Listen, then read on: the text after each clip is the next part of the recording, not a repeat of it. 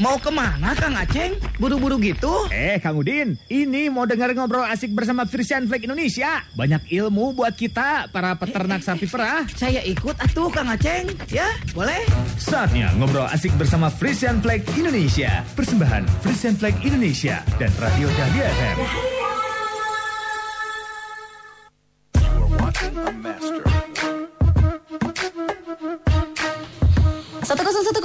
FM Bandung Goyang Asik-asik Assalamualaikum. Wargi Dahlia apa kabarnya malam hari ini ya? Di hari Jumat 8 April 2022-nya Alhamdulillah ketemu lagi sama baby Alianya. Wah untuk kawan peternak dari tadi udah nungguin banget nih ya. Karena ada acara yang ditunggu-tunggu setiap dua minggu sekali di Radio Dahlia FM Yaitu acara Radio Bawara Frisian Flag Indonesia. Selamat malam kawan peternak semuanya. Apa kabarnya? Mudah-mudahan sehat semuanya ya. Ada di Lembang, Pangalengan, Jawa Timur, Jawa Tengah. Pokoknya semuanya dalam keadaan sehat. Amin ya. Dan pastinya jangan lupa juga nih program Radio Bora ini adalah salah satu program pengembangan peternakan sapi perah Frisian Flag Indonesia di mana program ini membantu setiap peternak untuk memperoleh pengetahuan, mendapatkan pendidikan dan juga bantuan informasi supaya susu yang dihasilkan ini bisa lebih banyak dan juga berkualitas baik. Karena harus ingat susu yang berkualitas berarti peternak dan keluarganya sejahtera ya. Kawan peternak pasti udah gak sabar kira-kira malam ini ya narasumbernya siapa sih Baby Ali ya? Malam ini ada yang spesial karena setelah dua tahun vakum ya hanya ngobrol lewat telepon ya. Malam ini sudah hadir di studio Radio Dahlia FM ini ada Kang Rikrik Muhammad Rizky selaku DDP Extension Manager PT Frisian Flag Indonesia. Wilujeng Wangi Kang Rikrik. Aduh luar biasa. Sudah berapa purnama tidak bertemu ya? Boleh handphonenya dipakai dulu saja bapak-bapak silahkan biar terdengar suaranya. Kang Rikrik sehat ya? Alhamdulillah ya Siap, Alhamdulillah. Alhamdulillah. Boleh disabah dulu nih, wargi Dahlia kawan peternak semuanya, mangga. Ya, Wilujeng Ongi ya, selamat malam teman-teman peternak di mana pun berada gitu ya. Mudah-mudahan sehat ya semua ya. Wah iya bener sekarang di bulan Ramadan ya hampir lupa tuh. Saking senengnya akhirnya ke studio lagi nih teman-teman dari Frisian Flag dan gak sendirian seperti biasa nih. Ada juga narasumber yang gak kalah pentingnya yang dihadirkan malam hari ini. Ini juga kurang lebih sudah empat tahun tidak bertemu ya. Sekarang dipertemukan lagi di Jalan Burangrang ada Pak Dede Rahmat ini peternak sukses yang luar biasa dari Parongpong. Halo Wilujeng Wengi Pak Dede. Wilujeng Wangi, Iya. Wilujeng Wangi oge peternak sadayana semangat selalu. Luar sehat biasa. selalu. Luar biasa loh. Pak Dede semakin gagah ya datang lagi ke sini ya. Pak Dede juga di sini bawa cerita-cerita yang sangat luar biasa nih pengalaman-pengalaman dari Pak Dede yang luar biasa untuk kawan peternak semua karena malam hari ini tema yang kita bahas ini cukup unik dan cukup menarik untuk kawan peternak semua yaitu mengenai produksi susu menurun tapi keuntungan bisa meningkat. Nah, kira-kira seperti apa rahasia-rahasianya supaya ketika produksi susu menurun tapi keuntungan bisa menikmat eh, ke, meningkat ya. Jadi bisa wargi Dahlia kawan peternak semuanya untuk kirimkan pertanyaan seputar tema kita malam hari ini di 0811 222 1015. Nanti di akhir acara juga Baby Alia akan ada kuis persembahan dari Frisian Flag Indonesia untuk wargi Dahlia dan juga kawan peternak semuanya ya. Kang Rikrik ya, seperti biasa setiap minggunya selalu ada tema yang berbeda. Tapi malam hari ini agak bertolak belakang sekali nih. Produksi menurun tapi keuntungan malah meningkat. Ini gimana? Kenapa kita penting membahas tema ini malam hari ini Kang Rikrik? Jadi eh, kita ingin menekankan bahwa tidak selalu produksi tinggi itu efisien. gitu ya. Jadi walaupun memang produksi tinggi itu menjadi kejaran para peternak ya, tetapi kalau tanpa adanya evaluasi di bisnisnya, itu bisa-bisa kita dalam tanda petik tertipu ya. Jadi produksi dikejar gitu, padahal sebenarnya kan yang kita kejar sebagai pengusaha itu kan marginnya ya, Iya. atau hasil akhir lah yang yang ada di dompet kita gitu. Keuntungannya. keuntungannya gitu. Itu yang perlu kita bahas hari ini bagaimana pentingnya peternak ini bisa mengevaluasi bisnisnya di kandangnya gitu. Sehingga eh, apa namanya jargon seperti tadi itu mungkin saja bisa tercapai gitu. Jadi produksinya turun tapi eh, keuntungannya malah malah meningkat atau tetap bisa gitu Oke. Gitu. Berarti kualitas yang dikedepankan ya. Ya bukan hanya kualitas sih ini di sini lebih ke arah eh, bagaimana peternak bisa menganalisa bisnisnya. Hmm, ya Gitu. ya Ya, ya. misalkan masker inilah ya gitu. masker ini harganya misalkan eh, seribu gitu ya. Eh, pebisnis masker misalkan mengejar terjual sejuta pieces gitu ya. Iya, iya. Tetapi kalau untungnya hanya 100 rupiah gitu kan itu juga nanti untungnya kecil Iya. ketimbang bisa menjual hanya 500 misalkan. Tapi keuntungannya bisa setengahnya misalkan. Oh, Kayak iya gitu sih. iya Jadi iya. eh, produksi itu tidak selamanya bisa menghasilkan keuntungan yang eh, sejalan dengan produksinya gitu. Oke. Jadi bukan berarti produksi tinggi keuntungan pasti tinggi tidak Iya. juga gitu. Berarti- Tergantung analisa bisnisnya ya gitu. Pengetahuan sangat penting di dalam bisnis ini juga ya berarti ya. Ya ini paralel ya eh, hubungannya sama pakan, sama Iya, iya. kenyamanan dan sebagainya. Oke luar biasa nih ada yang sudah berpengalaman nih Pak Dede dulu mungkin pernah ya mengalami hal eh, fokus aja terus ngejar produksi ya supaya banyak eh, supaya eh, cita-citanya pengen dapat keuntungan yang besar betul. tapi ternyata malah merugi gitu atau tidak dapat keuntungan? Pernah mengalami hal seperti itu Pak Dede? Ya mungkin saya eh, cerita pengalaman nih, cerita pengalaman eh, dari masa awal-awal saya beternak. Ternyata beternak itu tidak apa harus jeli ya. Kenapa harus jeli? Secara sepintas kita emang betul kalau kita lihat dari eh, gambaran kalau produksinya tinggi itu kita pasti untungnya tinggi. Ternyata pada kenyataannya kalau kita tidak berhitung dari kos yang kita keluarkan itu belum tentu. Nah, kelemahannya kita terutama saya dulu waktu terjadi itu di masa-masa saya apa eh, beternak di awal-awal karena belum paham banget jadi kebiasaan peternak itu malas menghitung. Iya, bukan iya. peternak saya saya pribadi ma- malas menghitung. Akhirnya kan yang dikejar produksi tinggi produksi tinggi dikali harga. Padahal kita tidak kontrol kos kita itu sebagaimana. Walaupun produksinya tinggi penghasilan kita tinggi tapi kos kita untuk ngasih pakannya tinggi akhirnya margin kita yang dikatakan Pak Rikrik tadi jadi semakin kecil. Iya, nah iya, itu. iya. Nah, hal itu yang eh, terjadi saya saat di awal-awal merintis peternakan, kalau nggak salah di tahun 2007-an lah ya. Nah, di situ eh, apa kita kalau dikatakan rugi eh, sama sekali enggak. Nah, tapi eh, margin kita emang kecil. Karena waktu itu saat itu saya memberikan konsentrat yang berlebihan. Atau konsentrat eh, kebutuhan sapi itu saya tutupi dengan konsentrat. Yang sementara harga konsentrat itu kita tahu sendiri bahwa eh, itu eh, sangat tinggi.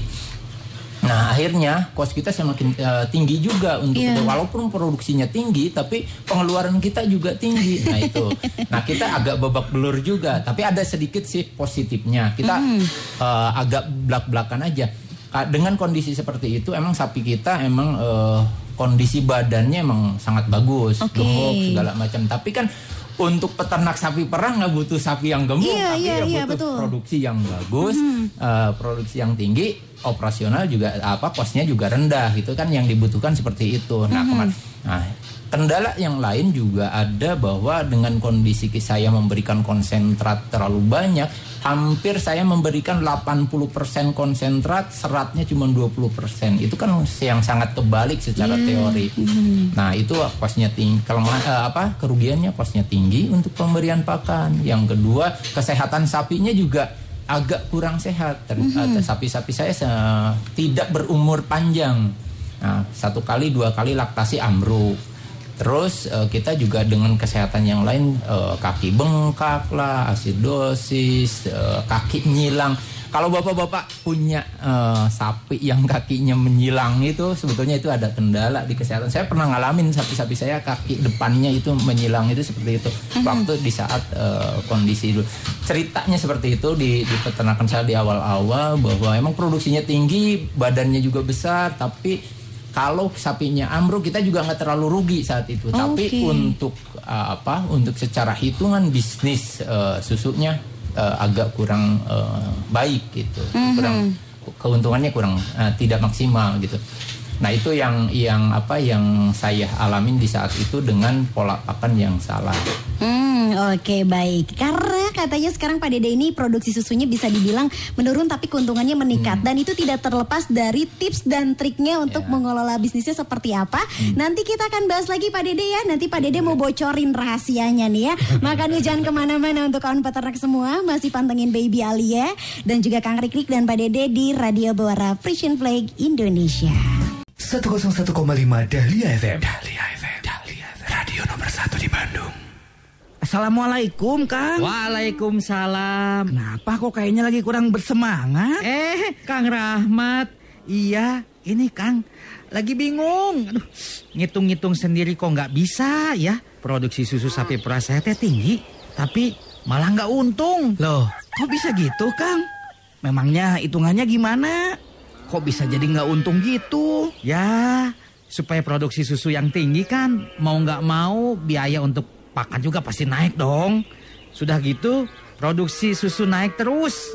Ibaratnya kita kerja keras, sapi juga gampang sakit dan juga cepat akhir. Nah, kalau udah begitu, pengeluaran kan jadi tinggi juga dong, Kang. Bingung. Betul, Kang. Saya juga pernah ngalamin kayak gitu. Bahkan udah sempat rugi karena pengeluaran lebih besar dari pemasukan. Nah, saya terus kumaha tuh, Bang. Saya nak cara ngatasinnya kumaha, Kang. Waktu itu mah saya konsultasi ke Pak Adi, penyuluh koperasi Kang yang biasa datang ke sini untuk bantu-bantu kita soal sapi perah.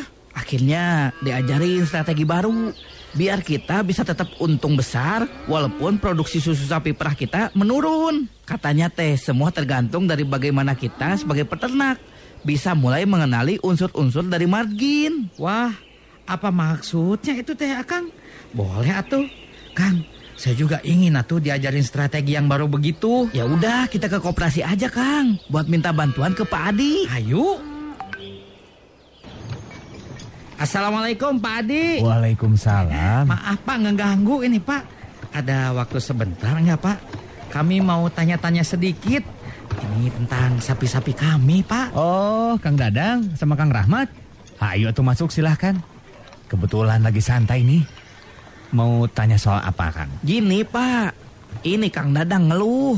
Katanya walaupun produksi susunya tinggi, tapi kenapa pas dihitung-hitung malah turun untungnya? Mungkin Pak Adi bisa jelasin ke Kang Dadang strategi yang waktu itu teh dengan Pak, yang Pak Adi jelasin ke saya. Oh, gitu.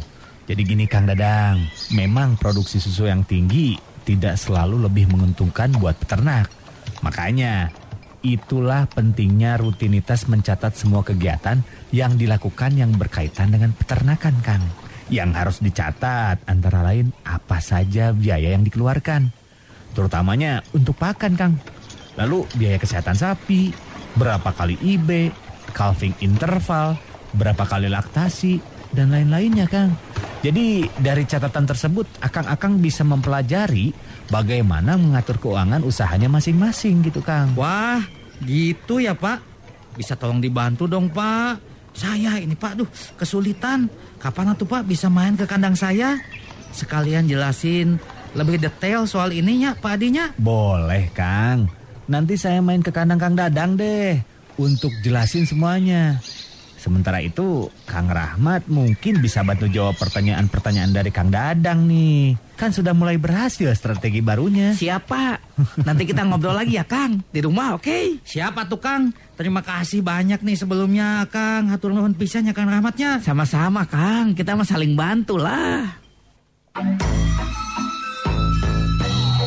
Itu dia tadi mini drama ya, luar biasa sekali di dalamnya, isinya inspiratif sekali nih untuk kawan peternak semuanya dan pastinya Baby Alia punya sekilas informasi nih untuk kawan peternak semua. Menurut RF Sudono dan Setiawan Rosdiana BS dalam buku Beternak Sapi Perah secara intensif, produksi susu seekor sapi perah per hari ini akan mulai mengalami penurunan setelah mencapai masa lak- laktasi dua bulan. Karena itu, peternak harus mulai mencari strategi baru untuk tetap bisa mendapatkan keuntungan yang tinggi meskipun produksi susu mengalami penurunan. Setuju nggak dengan statement ini Kang Rik Rik? Betul. Jadi tadi di mini drama kata kuncinya kan sebenarnya strategi sama komponen eh, margin ya. Margin itu keuntungan ya, Bapak Iya. Ibu. Jadi eh, strategi itu penting. Jadi strategi itu tidak melulu saat ini oh strateginya ini, tahun depan itu lagi enggak. Bisa tiap bulan ganti, tiap tahun ganti, bahkan ada yang tiap minggu berubah strategi. Iya, iya, iya. Dan itu setiap kandang atau setiap peternak pasti akan berbeda strateginya gitu. Hmm, oke. Karena tidak mungkin satu kandang bisa menduplikasi satu kandang yang lain secara 100% ya gitu. Hmm.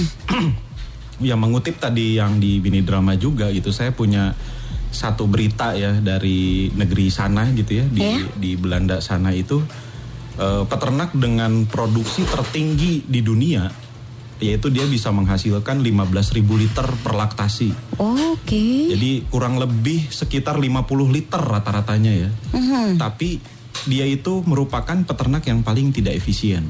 Oke. Nah, kenapa? Karena memang untuk beternak setinggi itu produksinya Mhm. banyak hal-hal sensitif yang harus selalu diperhatikan. Jadi kalau saya pernah ngobrol dengan peternaknya, dia bilang harus zero mistake. Jadi nggak boleh ada kesalahan. Hmm. Sekalinya satu kesalahan, habislah dia gitu. Jadi itu strategi dia ya. Mhm. Buat dia itu adalah untung. Tetapi untuk peternak lain, ah buat saya sih yang penting segini untung cukup. Ngapain ngejar produksi tinggi? Jadi eh, berawal strategi itu sebetulnya berawal dari analisa bisnis ya. Kalau kita tidak punya analisa bisnis, gimana mau strategi gitu. Nah, analisa bisnis berangkat dari mana? Dari eh, evaluasi apa yang sudah kita lakukan. Dari mana ya salah satunya mencatat ya gitu. Mencatat itu bukan berarti oh besok ke kandang, bukan gitu ya. Tapi minimal tadi komponen apa saja sih yang di kita yang biayanya tinggi pakan misalkan. Oh sapi ini pakannya seperti ini produksi sekian. Pada saat memasuki masa dua bulan sudah turun strateginya apa? Kayak gitu. Jadi secara Oke. secara mungkin secara satu persatu atau secara berkelompok kayak Pak Dede yang sapinya banyak kan itu ada kelompok-kelompoknya ya Pak ya. Ada sap- kelompok sapi yang produksi tinggi, Puncak. produksi puncak, produksi menengah, ada yang kering kandang. Itu strateginya harus beda-beda gitu. Jadi supaya margin yang kita peroleh walaupun misal nih harga pakan naik nih, ya pasti marginnya akan berkurang pasti Iya, karena iya, iya. mungkin eh, apa namanya? tetapi minimal tidak jatuh kitanya gitu ya. Oke. Kan pada umumnya yang sekarang terjadi yang saya amati gitu ya. Produksi berapa? Oh sapi ini 20 liter gitu. Mhm. Tapi pada saat kita hitung, oh ternyata pakannya itu menghabiskan biaya 17 liter. Berarti margin dia hanya 3 Tiga, gitu. iya. Tetapi saya berangkat ke peternak yang lain, produksinya berapa? 17 liter. Tidak 20 ya. Iya, iya. Tapi pada saat dihitung marginnya 4 liter. Wow. Beda seliter memang, Iya. tapi eh, apa namanya? strategi yang diterapkan cukup berhasil. Berhasil ya. Seliter juga lumayan ya sekarang Iyalah. kali kali 6 ribu aja Ede, Iya. gitu. Itu setiap hari eh, akan Kalau bertambah dikalikan gitu. ya, ya luar biasa. Dan kita tidak dibelenggu oleh karena pakan itu kan kita beli dari orang ya, Iya, ya tidak dibelenggu oleh oleh apa namanya tidak terlalu tergantung lah terhadap terhadap eh, fluktuasi harga pakan gitu. Oke, tadi berbicara tentang Belanda ya. Belanda ini biasanya dijadikan acuan atau barometer untuk peternak-peternak peternak kita untuk mencuri ilmu di sana gitu ya dari peternak-peternak sana. Kalau peternak di sana di luaran, termasuk Belanda, apakah mindsetnya sudah seperti itu bahwa produksi susu menurun ini bisa membuat keuntungan meningkat juga loh? Ya sebenarnya judul yang saat ini kita angkat jangan terlalu dijadikan mindset ya pokoknya Iya. susu turun pasti untung. Iya, iya, iya betul. Tapi pada intinya kenapa dikasih judul itu untuk menarik sebenarnya, tapi Mhm. pada inti dari judul itu sebetulnya strategi sih gitu. Oh iya. Jadi bukan berarti tidak semua di luar sana ada juga peternak yang produksi tinggi, marginnya, Marginnya juga tinggi, tinggi. ada. Iya, gitu. iya, iya. Hmm. Tergantung strateginya, gitu. Bukan berarti oh produksi tinggi pasti rugi enggak gitu. Iya, iya, iya. Cuman kita dalam pola pikirnya harus dievaluasi teh gitu. Misalkan sekarang produksi segini, keuntungan kita berapa dan jangan lupa juga untuk teman-teman yang bergabung dengan koperasi ya. eh, kan biasanya di koperasi itu ada, si- ada simpanan berarti ya gitu. Ada simpanan hari raya, ada apa itu kan sebenarnya simpanan itu dari susu yang ditabungkan ya oleh peternak gitu. Nah, iya. penghasilan juga itu. itu juga penghasilan, jangan Iya. sampai itu di kesampingan Iya. gitu. Oke, iya, itu Karena yang sering kadang- dilupakan ya. Iya kadang-kadang gini, eh, misalkan dia harga susu seribu gitu ya, Mhm. dia nyimpen simpanan di koperasi 300 perak per liter gitu. Mhm. Sementara dari 700 sisanya biaya dia adalah 650 misalkan, berarti sisanya cuma 50 nih. Mhm. Dia ngeluh kenapa sisa saya 50. Padahal 300 udah disimpan. Padahal Iya, iya, iya, pada betul. saat mau lebaran dia dapat 300 kali sekian ribu liter. Dapat gitu. tabungan. Iya, bukan berarti tidak boleh itu bagus, tapi dihitung Iya, iya. ke dalam komponen eh, arus kas gitu ya. Oh, Oke. Jadi oh eh, saya dapat untung sekian, tapi uangnya kok keterima sekian. Oh, udah sebagian lagi disimpan gitu. Iya, betul. Sehingga analisa bisnis kita lebih akurat. Jangan sampai menghitung analisa bisnis itu dari sisa. Nah, itu yang salah menurut saya. gitu. oke. Kan kadang yang teman-teman di koperasi juga ada apa waserda ya. Waserda itu belanja harian seperti beras gitu. Itu yang oleh koperasi dipotong langsung biasanya. Jadi pada saat periode bayaran peternak dapatnya kecil gitu. Padahal beas udah dua karung gitu ya. Sabun udah berapa Iya, itu iya, juga iya. harus dihitung gitu. Oke. Jadi pada saat komponennya oh saya dapat untuk sekian sehingga analisa bisnis di terutama di pakan ya karena pakan komponen biaya sapi perah yang paling tinggi pakan itu. Itu nanti kita bisa hitung oh kalau begini terus pakan saya harus ganti. Nah, dia mulai itu mencari alternatif gitu karena biasanya pakan tertentu yang sudah dikejar banyak peternak biasanya lama kelamaan mahal gitu. Oke, ya. ilmu titik- ekonomi lah ya, itu ya setelah tinggi permintaan. Mulai mahal, strategi dia harus nyari lagi berubah apa ya. gitu. Oke, luar biasa. Intinya balik lagi ke pencatatan itu sangat penting sekali ya. Ya gitu. Jadi di, di- ya kalaupun dapat saya emang nggak suka nyatet ya minimal pada saat dapat truk bayaran itu dipelajari lah gitu. Iya, iya, iya, Oh tabungan saya sekian ini. Jadi ketahuan lah gitu. Mhm, Oke ya, tadi kata Kang Rikrik tidak selamanya produksi susu menurun, keuntungan meningkat juga. Tapi ini pengalaman dari Pak Dede ya, produksi susu menurun tapi keuntungan meningkat. Boleh dikasih tips dan triknya kenapa bisa seperti itu Pak Dede? Jadi eh, kita eh, sebetulnya kadang peternak itu di awal saya dulu eh, a priori dengan apa yang eh, saran orang lain. Misalkan eh, sapi ini butuhnya bukan butuh hanya konsentrat eh, yang lebih besar, tapi butuh hijauan. Kadang kita eh, kok mm, mencari hijauan itu tidak semudah itu gitu loh. Kita itu menganggap seperti itu. Tapi sebetulnya kalau kita punya tadi strategi yang tadi dikatakan, ternyata hijauan itu jauh lebih murah daripada kita beli konsentrat. Ya, contohnya misalkan eh, seperti saya dengan saya memberikan konsentrat yang awalnya bisa 80% sementara hijauannya misalkan 20% dan di situ eh, kos saya terlalu besar saya tidak punya lahan sama. Pasti alasan peternak kebanyakan peternak pasti menyatakan bahwa kita tidak punya lahan. Bagaimana menyiapkan rumput? Bagaimana menyiapkan hijauan? Kan seperti itu. Terus bagaimana cara mencarinya? Ternyata kalau kita eh, mau berpikir bahwa itu bisa kita eh, cari solusinya. Contohnya misalkan saya awal dari solusi untuk eh, memutarkan bahwa pakan saya dibalik jadi eh, konsentrat yang 30% dan hijauan yang jadi di 70%. Saya tidak punya lahan tapi saya kerjasama sama petani jagung. Misalkan contoh kata di daerah mana yang lahannya emang masih luas dan masih eh, eh, bisa eh, apa lebih bisa menguntungkan bertanam jagung daripada bertanam palawija atau yang lainnya. Akhirnya kita kerjasama dengan itu. Ternyata setelah nyampe di kepeternakan kita akhirnya eh, apa hijauan itu jauh lebih murah ketimbang konsentrat. Nah, tapi dengan konsentrat kita diturunkan, kita menaikkan hijauan, produksi kita emang turun. Tapi kos kita juga turun. Hmm, Turun ya, Nah, ya, ya, ya. Jadi margin kita malah lebih lebih lebar leb- atau lebih Oh, besar dari daripada situ, oke. awalnya. Nah, itu Mhm. se- salah satu strateginya. Nah, mungkin saya yang eh, saya bukan ngerasa yang paling awal ya. Saya di tahun 2010-an saya udah mulai menggunakan silase dan jagung Hmm. saat itu.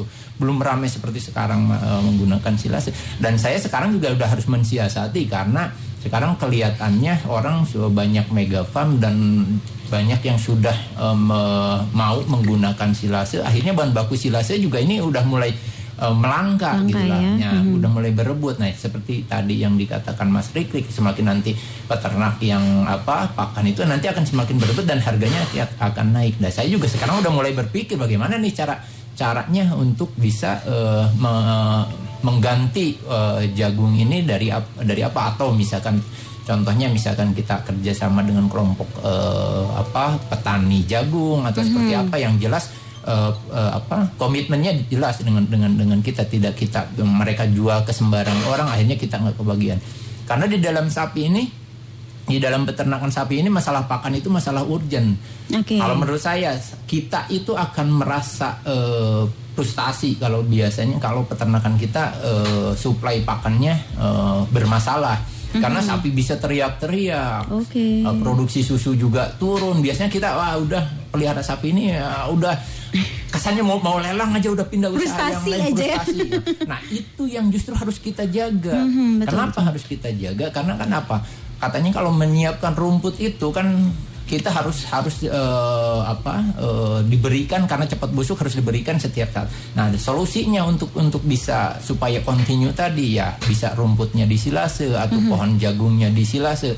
Karena dengan seperti itu kita punya stok pakan. Nah, dengan punya stok pakan ya kita juga tidak akan terlalu diperbudak atau dihabiskan waktu oleh eh, peternakan. Karena kita misalkan kalau saat ini kita harus mencabit eh, rumput hari ini buat besok atau buat eh, besok buat lusa. Nah kayak gitu kita mau kapan istirahatnya? Iya, tapi iya. kalau kita punya stok misalkan untuk seminggu untuk sebulan ya kita bisa berleha-leha dong dengan dengan dengan peternakan kita. Kita nggak usah mikir nyabit tiap hari. Misalkan bikin silasenya untuk sebulan itu kita butuh waktu satu minggu ya kita masih efisien waktu tiga minggu untuk bisa santai tidak tidak mencari rumput kan nah, seperti itu. Sebetulnya kendala peternak itu yang bikin nggak semangat saya waktu itu karena kita itu merasa terikat di dalam mem- memelihara peternakan kita di dalam memanage peternakan kita. Contohnya ya tadi kita perah kalau perah manual itu mau mau seperti apa? Misalkan pelihara eh, apa eh, sapi eh, perah manual itu juga sudah mulai harus dipikirkan. Karena apa? Dengan teknologi menggunakan mesin perah dengan penggunaan pakan silase dengan bisa memanage pakan dengan bisa member, eh, apa menyiapkan stok yang aman itu justru akan eh, memperingan pressure eh, tekanan kita untuk untuk eh, beternak gitu malah Iya. kita akan semakin semangat karena Iya, apa iya. dengan keuntungan yang cukup lumayan terus kita pengelolaannya tidak terlalu terikat tidak Mhm. terlalu berat akhirnya kita mau udah mau berpikir coba kita misalkan kita bisa bayangkan kalau kita sebagai peternak mulai bangun jam 5 sudah ke kandang waktunya habis nanti sampai jam 6 maghrib masih ngurusin sapi kita. Kita mana ada mau berpikir mau mengembangkan peternakan kita. Energi kita sudah Terkuras terkuras, ya. di situ. Nah sementara kalau kita memanage pakan dengan baik contohnya dengan stok yang tadi dengan uh, kita berhitung bagaimana pengeluaran kita untuk sat- uh, satu ekor sapi berapa. Karena kalau kita uh, dulu saya pernah ngalamin saya nggak tahu sapi saya habis berapa rupiah per harinya. Nah kita nggak tahu seperti itu mana bisa kita kontrol sapi usaha kita untung atau Iya, tidak iya, gitu kan betul. gitu. Tapi dengan kita mencatat dengan memper- be- berhitung pengeluaran sapi kita kita produksi berapa pengeluaran berapa yang tadi biasanya rata-rata di di peternakan saya saya punya margin di sekitar 6 sampai 7 liter per ekornya. Oke. Nah, itu jadi ya itu cukup cukup lumayan menguntungkan buat buat buat kami sebagai peternak. Nah, itu pun kalau punya margin sebesar itu pun kalau kita tekanan dari kita tidak bisa istirahat, kita masih eh, berat ngurusin sapinya, ya kita punya uang juga mau dipakai apa? Tapi dengan tadi benar. kita menggunakan silase stok pakan dan segala macam. Kita ah, cuman kerja seminggu dalam sebulan kita kerja seminggu kecuali kalau perah sama ngasih pakannya itu mah ringan-ringan aja. Dan itu relatif bisa diwakilkan. Nah dengan dengan perah mesin tadi juga itu relatif bisa kita digantikan orang. Tidak harus kita yang selalu perah kan kita bisa bisa digantikan sama sama orang lain dengan dengan menggunakan mesin. Itu sangat efisien. Dan saya mohon eh, bukan mau saya, saya mau memberikan contoh. Jadi saya sempat a priori dulu dengan dengan teknologi katanya misalkan mesin perah itu bisa me- merusak sapinya Iya, dengan silase iya. itu ba- eh, bagaimana itu belum dilakukan kita sudah sudah Su- sudah negative thinking, ya. loh. Nah, kalau kita coba ternyata yang saya lakukan saat ini di peternakan saya perah pakai mesin Mhm. terus kita menggunakan silase dan segala macam itu sangat membantu sih sebetulnya untuk, Mhm. untuk, eh, menyelesaikan masalah-masalah di eh, peternakan kita kita lebih efisien apalagi dulu Mhm. saya dengan eh, ada perubahan kandang eh, dari kandang ikat ke kandang Mhm. freestyle itu kan sangat efisien sapi juga lebih sehat lagi nanti jadi karena ada pergerakan yang tadinya dulu saya sempat banyak menemui ya, sapi punya saya itu kaki menyilang dan segala macam sekarang sudah tidak ditemukan lagi Wow, kondisi luar itu. biasa sekali ya. Nah, jadi begitulah yang saya lakukan Iya. eh, untuk eh, apa mengefisienkan eh, di peternakan saya. Oke, tadi di off-air sempat ada obrolan yang cukup menarik sekali nih dari Pak Dede mumpung, mumpung masih ada di sini gitu ya. Kalau berbicara produksi susu menurun tapi keuntungan meningkat, Pak Dede juga kabarnya mengalami sendiri dulu yang sapinya 400 ekor dan berani dilelang akhirnya menjadi 100 ekor, tapi keuntungan malah meningkat. Itu seperti apa ceritanya? Itu luar biasa loh. Boleh diceritakan sama wargi Dahlia semua? Jadi begini, eh, saya dulu eh, sebetulnya bukan 400, 300. Saya 300. punya, punya sapi se- sekitar 300-an. Nah saat itu saya memiliki sapi itu sangat terikat karena saya justru eh, sedikit direpotkan dengan bukan memelihara sapinya tapi eh, apa eh, yang kerjanya Oh, tenaga Nah, kerjanya. Tenaga kerjanya, Oke. yang ngurusin tenaga kerjanya. Akhirnya kebetulan saya pada tahun 2016 saya ada program yang program farmer to farmer itu saya eh, dapat belajar di Belanda. Ya saya mulai eh, sedikit melek gitu loh. Akhirnya saya bisa eh, rubah sistem eh, peternakan saya untuk sedikit meniru eh, sistem peternakan di di Belanda sana. Oke. Jadi kita kita lelang sapi yang tadinya 300 jadi 100 dengan pola yang atau dengan sistem peternakan mirip di sana. Itu kalau dikatakan keuntungannya mungkin pelihara 300 dengan pelihara 100 itu bukan keuntungannya lebih besar tapi hampir sama. Pelihara Oke. 300 dengan pelihara 100 itu hampir sama keuntungannya tapi beban kita Cost-nya ya. cost kita jauh lebih ringan. Hmm, iya, pelihara iya, iya. 100 dengan pelihara 300 apalagi dengan sistem peternakan yang sekarang sudah lebih di eh, sedikit dimekanisasi. Seperti itu. Hmm, Oke, bukan berarti dengan mendengar cerita Pak Dede akhirnya peternak bakal berpikiran udahlah lalang aja. Sedikit juga bisa. Tidak seperti itu, Tidak tetap ada seperti itu. strategi yang Iya. harus dijalankan ya. Kar- karena di setiap di setiap kita juga harus harus berhitung. Setiap keputusan kita kita juga harus perhitungkan. Karena setiap orang punya apa punya eh, backup masing-masing Iya. untuk untuk apa untuk untuk eh, menjalankan bisnis peternakan ini saya berani mungkin untuk melakukan seperti itu eh, karena ada ada sesuatu hal yang bisa eh, mengamankan eh, saya gitu kan nah itu harus diperhitungkan jangan sampai kita salah langkah juga di, Iya, di iya, dalam iya. peternakan ini. Nah, makanya setiap orang itu tidak bisa mengadopsi se- 100% dari uh, pengalaman yang lain, tapi itu Hmm. bisa dijadikan contoh dan disesuaikan dengan kondisi masing-masing. ya, Iya seperti itu, betul betul betul. Oke luar biasa. Kak Ririk tadi kan sempat dibahas produksi susu menurun tidak selamanya margin juga meningkat. Boleh dikasih tahu nggak sama peternak sebetulnya faktor-faktor apa aja sih yang mempengaruhi margin sehingga keuntungan ini bisa maksimal selain produksi susu ini? Ya gampangnya sebetulnya margin itu kan eh, modal dikurangi biaya ya. Ya, itu hmm, keuntungan betul. kita gitu. Iya. Nah, modalnya adalah harga susu. Biayanya adalah yang terbesar itu adalah di pakan gitu. Oke. Nah, sekarang kan bagaimana pakannya eh, apa namanya? Pakan satu bisa menghasilkan susu satu misalkan gitu ya.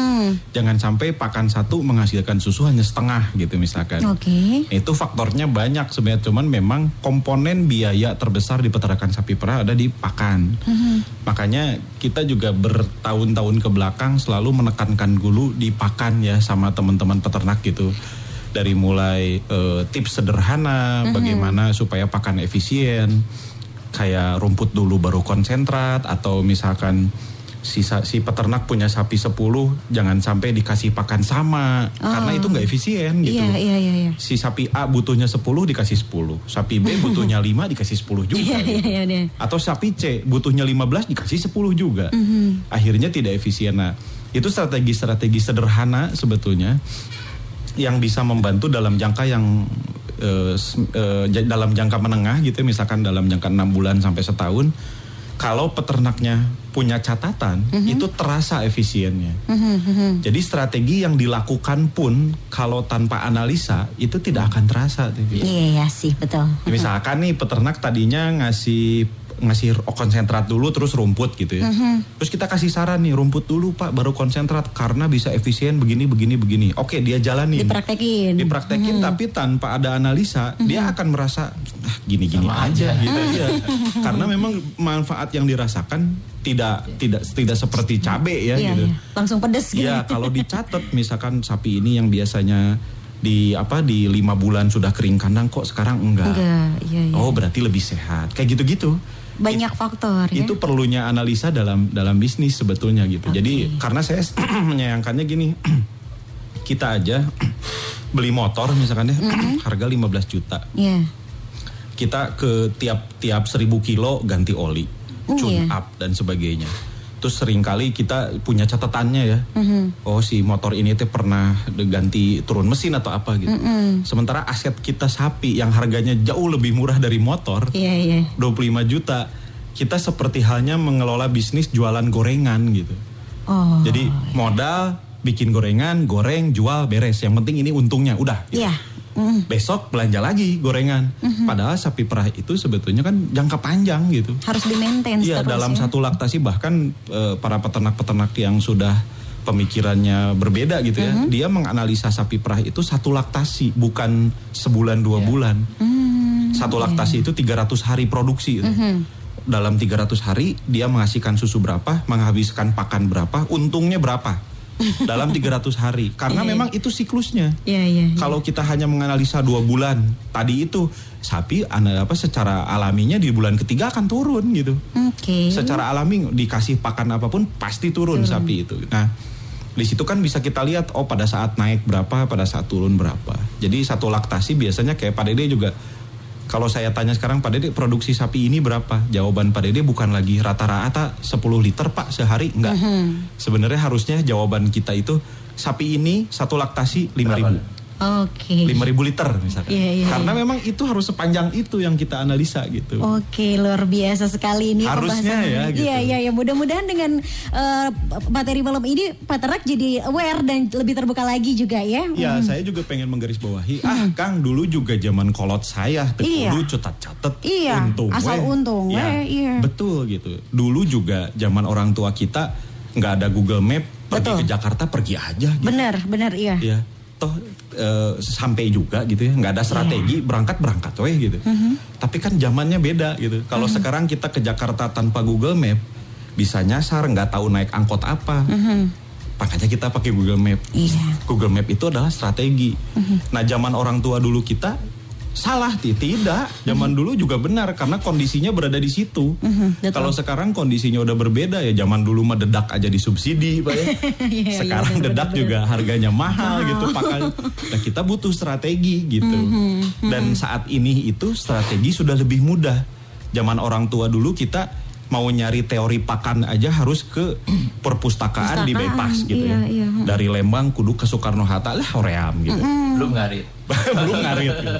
Nyari bukunya aja udah susah gitu zaman dulu. Kalau sekarang kan tinggal buka HP. Betul. Atau apalagi sekarang sering diundang penyuluhan. Iya, iya. Tinggal datang dengerin, lakukan gitu. Ah, iya. Medianya memang berbeda. Jadi Betul. bukan berarti zaman dulu salah tidak gitu. Gitu. hmm. Memang tempatnya aja yang berbeda, waktunya Waktu, ya. iya, waktunya waktu. yang yang yang menuntut kita sekarang untuk berbeda gitu. Mhm. Apalagi strategi-strategi pencatatan dan lain-lain juga selalu dibahas juga di Radio Bawara ini Iya, ya. Makanya pantengin terus nih untuk kawan peternak semua. Di sini antusias dari kawan peternak banyak banget yang mau tanya-tanya nih sama Pak Dede dan juga Kang Rikrik. Kan nanti kita akan balik lagi ya setelah break yang satu ini tetap di Radio Bawara Persian Flag Indonesia. Media.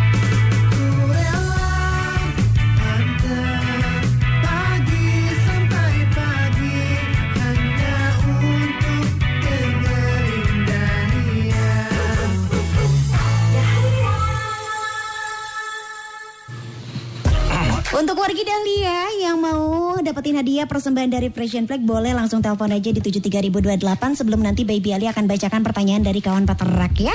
Ada siapa ini yang sudah siap-siap dapetin hadiah persembahan dari Frisian Flag Indonesia? Halo Radio Bawara Frisian Flag Indonesia. Radio Bewara Pelisian Blik Indonesia Asik atuh burung ah go go go go ya Sama siapa ini? Nenek Ica Tadi jadi suka jadi ya? Banjaran saya. Eh sorry Banjaran. Oke. Dari Banjaran jauh-jauh dari tadi pantengin Radio Dahlia. Pertanyaannya gampang sekali. Sebutkan salah satu faktor yang mempengaruhi keuntungan Sehingga keuntungannya bisa maksimal. Tadi udah dijelasin sama Kang Rikrik Eh, ada pilihan nggak? Ah nggak mau. Ah. Tentang itu atau apa tentang pembeli pemberian pakan mm-mm, Akan mempengaruhi ke- keuntungan nantinya ya eh, harus bisa mengatur pemberian pakan terus konsentratnya juga Oke gimana Kang Rikrik bener atau betul? Bener lah. Boleh lah ya kasih Boleh. hadiahnya ya. Siap. Kalau Indonesia di Banjaran selamat hadiahnya bisa diambil ke Radio Dahlia di jam kerja ya. iya makasih Pak Rikrik makasih Mangga. Siap. Panteng radio. Panteng Dahlia enak-enak langgamnya Dahlia burung ah go go go go ya Oke, luar biasa nih di bulan Ramadan Paham ya. gitu Iya ya, menikah semangat banget supaya bisa minum susu Frisian Plague katanya ya. Ini luar biasa banget nih eh, antusias dari kawan peternak walaupun bulan Ramadan banyak banget malam ini yang lagi pada pantengin nih Kang Rikrik dan juga Pak Dede ya. Kita bacain beberapa pertanyaan saja. Assalamualaikum Waalaikumsalam ada Ujang Karman di KPBS Pangalengan TPK Citawa. Mau tanya nih tentang topik malam ini. Agak aneh katanya. Gimana ceritanya? Produksi menurun tapi penghasilan bisa meningkat. Ayo tanggung jawab Kang Rikrik dijawab. Jadi yang saya tadi ceritakan Pak Ujang, jadi eh, judulnya memang supaya menarik ya, tetapi memang faktanya Jadi gini, tidak selalu produksi tinggi itu untung besar. Tidak selalu produksi rendah untung kecil. Begitupun sebaliknya, tidak selalu untung besar juga eh, apa namanya eh, pro- eh, untungnya kecil gitu dan tidak selalu un- apa, produksi rendah juga untungnya rendah gitu. Jadi bagaimana intinya sebenarnya dari judul malam ini itu bagaimana kita bisa menganalisa sebenarnya. Nah, contoh konkretnya tadi Pak gitu. Jadi pada saat susu 20 liter rata-rata untung kita ternyata cuma 3 liter. Tetapi pada saat susu kita 17 liter, untung kita mungkin bisa 3 liter iya tetap Iya. tetapi mungkin bisa juga jadi 4 liter gitu. Jadi itu eh, latar belakang judul produksi mening, eh, produksi menurun, keuntungan meningkat kan bener. Itu terjadi di Pak Dede juga. Saya ingat waktu itu Pak Dede bilang produksi saya 22, untung saya 3 liter. Pada saat produksi Pak Dede 17 liter, untung dia 4 liter. Bedanya cuma seliter memang. Dan produksinya memang turun gitu. gitu, tapi untungnya nambah Nambah. gitu Iya, kan. mendingan gitu Nah, ya. kumaha atau gimana caranya gitu. Nah, tadi komponen terbesar dulu yang harus kita sasar yaitu di pakan Mhm. gitu. Jadi eh, bukan berarti pakan yang jor-joran eh, apa namanya habis-habisan produksinya tinggi pada saat kita bayaran kita dapat sisanya sedikit karena Mhm. kebanyakan eh, bayaran susu kita bayarkan ke tukang pakan misalkan Mhm. gitu. Tetapi oh coba kita kurangin sedikit-sedikit. Selain Pak Dede juga ada saya eh, pengalaman di Lembang juga ya. Mungkin pada kenal ada Bu Nenih misalkan. Iya, Teh Bu Nenih Nenih ya. dulu memakai salah satu komponen pakan saya tidak mau sebutkan ya. dia memakai 15 sampai 20 kilo gitu. Produksi dia di 20 liter tetapi berdasarkan data-data yang dia catat gitu. Dia coba tuh satu ekor, coba diturunkan si pakan ini karena mahal harganya nih. Produksi dia memang turun gitu, tetapi pada saat satu laktasi dia hitung loh, kok untung saya tetap. Produksinya turun, untungnya tetap. Apa untungnya produksi turun eh, keuntungan tetap? Nyanya minimal gitu ya. Kita merah jadi nggak capek gitu Iya, ya. Yang iya. tadinya 20 liter jadi 17 gitu. Iya, iya, iya, Tetapi uang yang masuk dompet kita tetap. Syukur-syukur bisa lebih tinggi seperti pada dia lebih tinggi seliter misalkan gitu. Jadi sebenarnya pada dasarnya yang ingin ditekankan di tema malam ini adalah berstrateginya Strateginya, gitu. Dan tadi itu tidak bisa strategi di si A diterapkan 100% di si B gitu. Dari mana strategi muncul? Ya dari analisa usaha. Dari mana analisa usaha muncul? Ya dari data-data yang kita punya gitu. Iya, iya, iya, iya, iya, benar benar. Sebenarnya koperasi udah menyediakan pak gitu data-data yang lengkap setiap bayaran. Di situ ada pakan berapa, simpanan berapa itu sangat bisa dipelajari sebetulnya. Gitu. Mhm, Oke, luar biasa sekali ya. Satu lagi deh ya, karena kita keterbatasan waktu. Ini ada yang tanya Assalamualaikum Waalaikumsalam. Ketika seorang peternak produksi, produksi susunya turun dan keuntungannya meningkat, mungkin secara keuntungan bisa tinggi. Tapi dengan kondisi seperti ini, apa peternak juga harus mengamati bobot atau kondisi tubuh sapi? Katanya. Pasti, ya Pak Dede ya, pasti harus. Harus ya. Dari pengalaman Pak Dede seperti apa Pak? Jadi ke- harus kita harus tetap me- memperhatikan eh, kondisi sapi ya. Kalau kita udah pernah eh, tahu eh, body score, kita jangan jangan sampai eh, body score sapinya kurang dari eh, tiga lah. Eh, Normal di tiga ya. Nah Iya, iya, di iya. tiga. Nah kalau eh, bobot eh, apa eh, kondisi sapi body score-nya kurang tiga, berarti pakan kita juga eh, sedikit kurang. Nah eh, kita amati eh, kondisi sapi kita dengan body score bisa dipertahankan tiga. Nah itu produksinya bagaimana, hitung kos kita berapa, produksinya berapa. Nah akhirnya nanti kita ketemu marginnya berapa. Kalau marginnya misalkan meningkat di, di tadi yang 3 liter ke 4 liter itu bagus. Nah buat apa kita punya body score sapi 5 tapi keuntungan kita eh, kecil, Kecil. gitu loh. Karena eh, menurut saya dengan pakan yang baik terutamanya tadi dengan eh, kita cukup memberikan serat itu justru kesehatan sapi juga akan lebih bagus dan body score sapi juga akan eh, relatif lebih bisa dipertahankan. Mhm, Oke, siap ya. Oke, karena berhubung waktunya sudah habis, mungkin terakhir dari Kang Rikrik terlebih dahulu, apa kesimpulan yang mau disampaikan untuk kawan peternak semua? Ya untuk pertanyaan yang lain ya sebel- sebelumnya saya jelasin dulu untuk pertanyaan yang lain yang tidak terbaca malam ini, insya Allah kita akan jawab Iya, melalui betul. WA gitu Betul. ya. Nah, Mhm. Nah sebenarnya gini Pak, tema kita malam ini bagaimana cara mengaplikasikannya kan gitu ya. Iya, betul. Hmm. Da- ah ngomong mah gampang. Ya, Pak, ya. Ya, Bener. betul. Kumaha carana? Nah sebenarnya tema kita malam ini itu adalah gabungan dari seluruh ilmu yang sudah pernah kita sampaikan. Iya, benar-benar Pak. Dari mulai body score, eh, keseimbangan pakan. Karena kalau tanpa semua ilmu itu, tiba-tiba bapak menurunkan produksi sapi dan cek si bapak untung, wah itu bahaya gitu. Malah rugi. Malah rugi gitu. Ditelan bulat-bulat ya Betul. informasinya. Kita harus tahu oh eh, sapi perah itu di skor berapa idealnya, kalau ketinggian gimana, kalau kerendahan gimana, produksi susu eh, akan turun di fase berapa. Itu sebetulnya bapak-bapak sudah terutama yang ikut program gitu itu pasti pernah mendapatkan ilmu itu dan ini adalah gabungannya sebetulnya. Iya, iya, iya. Jadi kasarnya kayak nyetir mobil lah gitu. Penyuluhan pertama kita belajar muterken setir gitu ya. Penyuluhan kedua kita belajar nginjek gas. Nah ini tuh adalah gabungan yuk jalan gitu. Iya, iya, iya. Jadi sebenarnya tanpa ilmu pengetahuan yang di belakangnya, tiba-tiba bapak ah ada cek radio turunkeun weh bahaya itu gitu. Asal main turunkan ya. Kita Oke. tanpa melihat faktor lain ya gitu.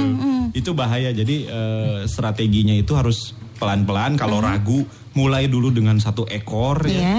Coba ah sapi yang ini strateginya diginiin gitu ya. Oh berhasil, coba aplikasikan ke sapi kedua bahkan dari satu satu sapi ke sapi yang lain itu juga bisa berbeda. Berbeda, ya. Bisa berbeda. Oke, ya kalau dari Pak Dede terakhir kesimpulan ataupun motivasi apa yang mau disampaikan oleh rekan peternak yang lainnya? Kalau saya gini, jadi eh, kita eh, sebagai peternak eh, intinya saya eh, memberikan semangat bahwa kita beternak kalau kita beternak dengan baik, memperlakukan sapi kita dengan baik, insya Allah sapi juga akan memberikan hal yang terbaik buat kita, terutama keuntungan yang yang cukup eh, besar buat kita. nah itu jadi saya juga pengen bahwa kita sebagai peternak saya juga eh, sebagai peternak bangga terhadap apa yang eh, kita lakukan dengan profesi apa yang kita lakukan.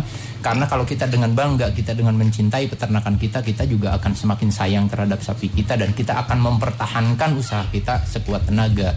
Karena dalam usaha itu pasti ada eh, naik turunnya di saat turun kita bisa bertahan dan di saat kita ada di atas dan kita bisa menabung. Kalau saya sih lebih ke, ke seperti itu.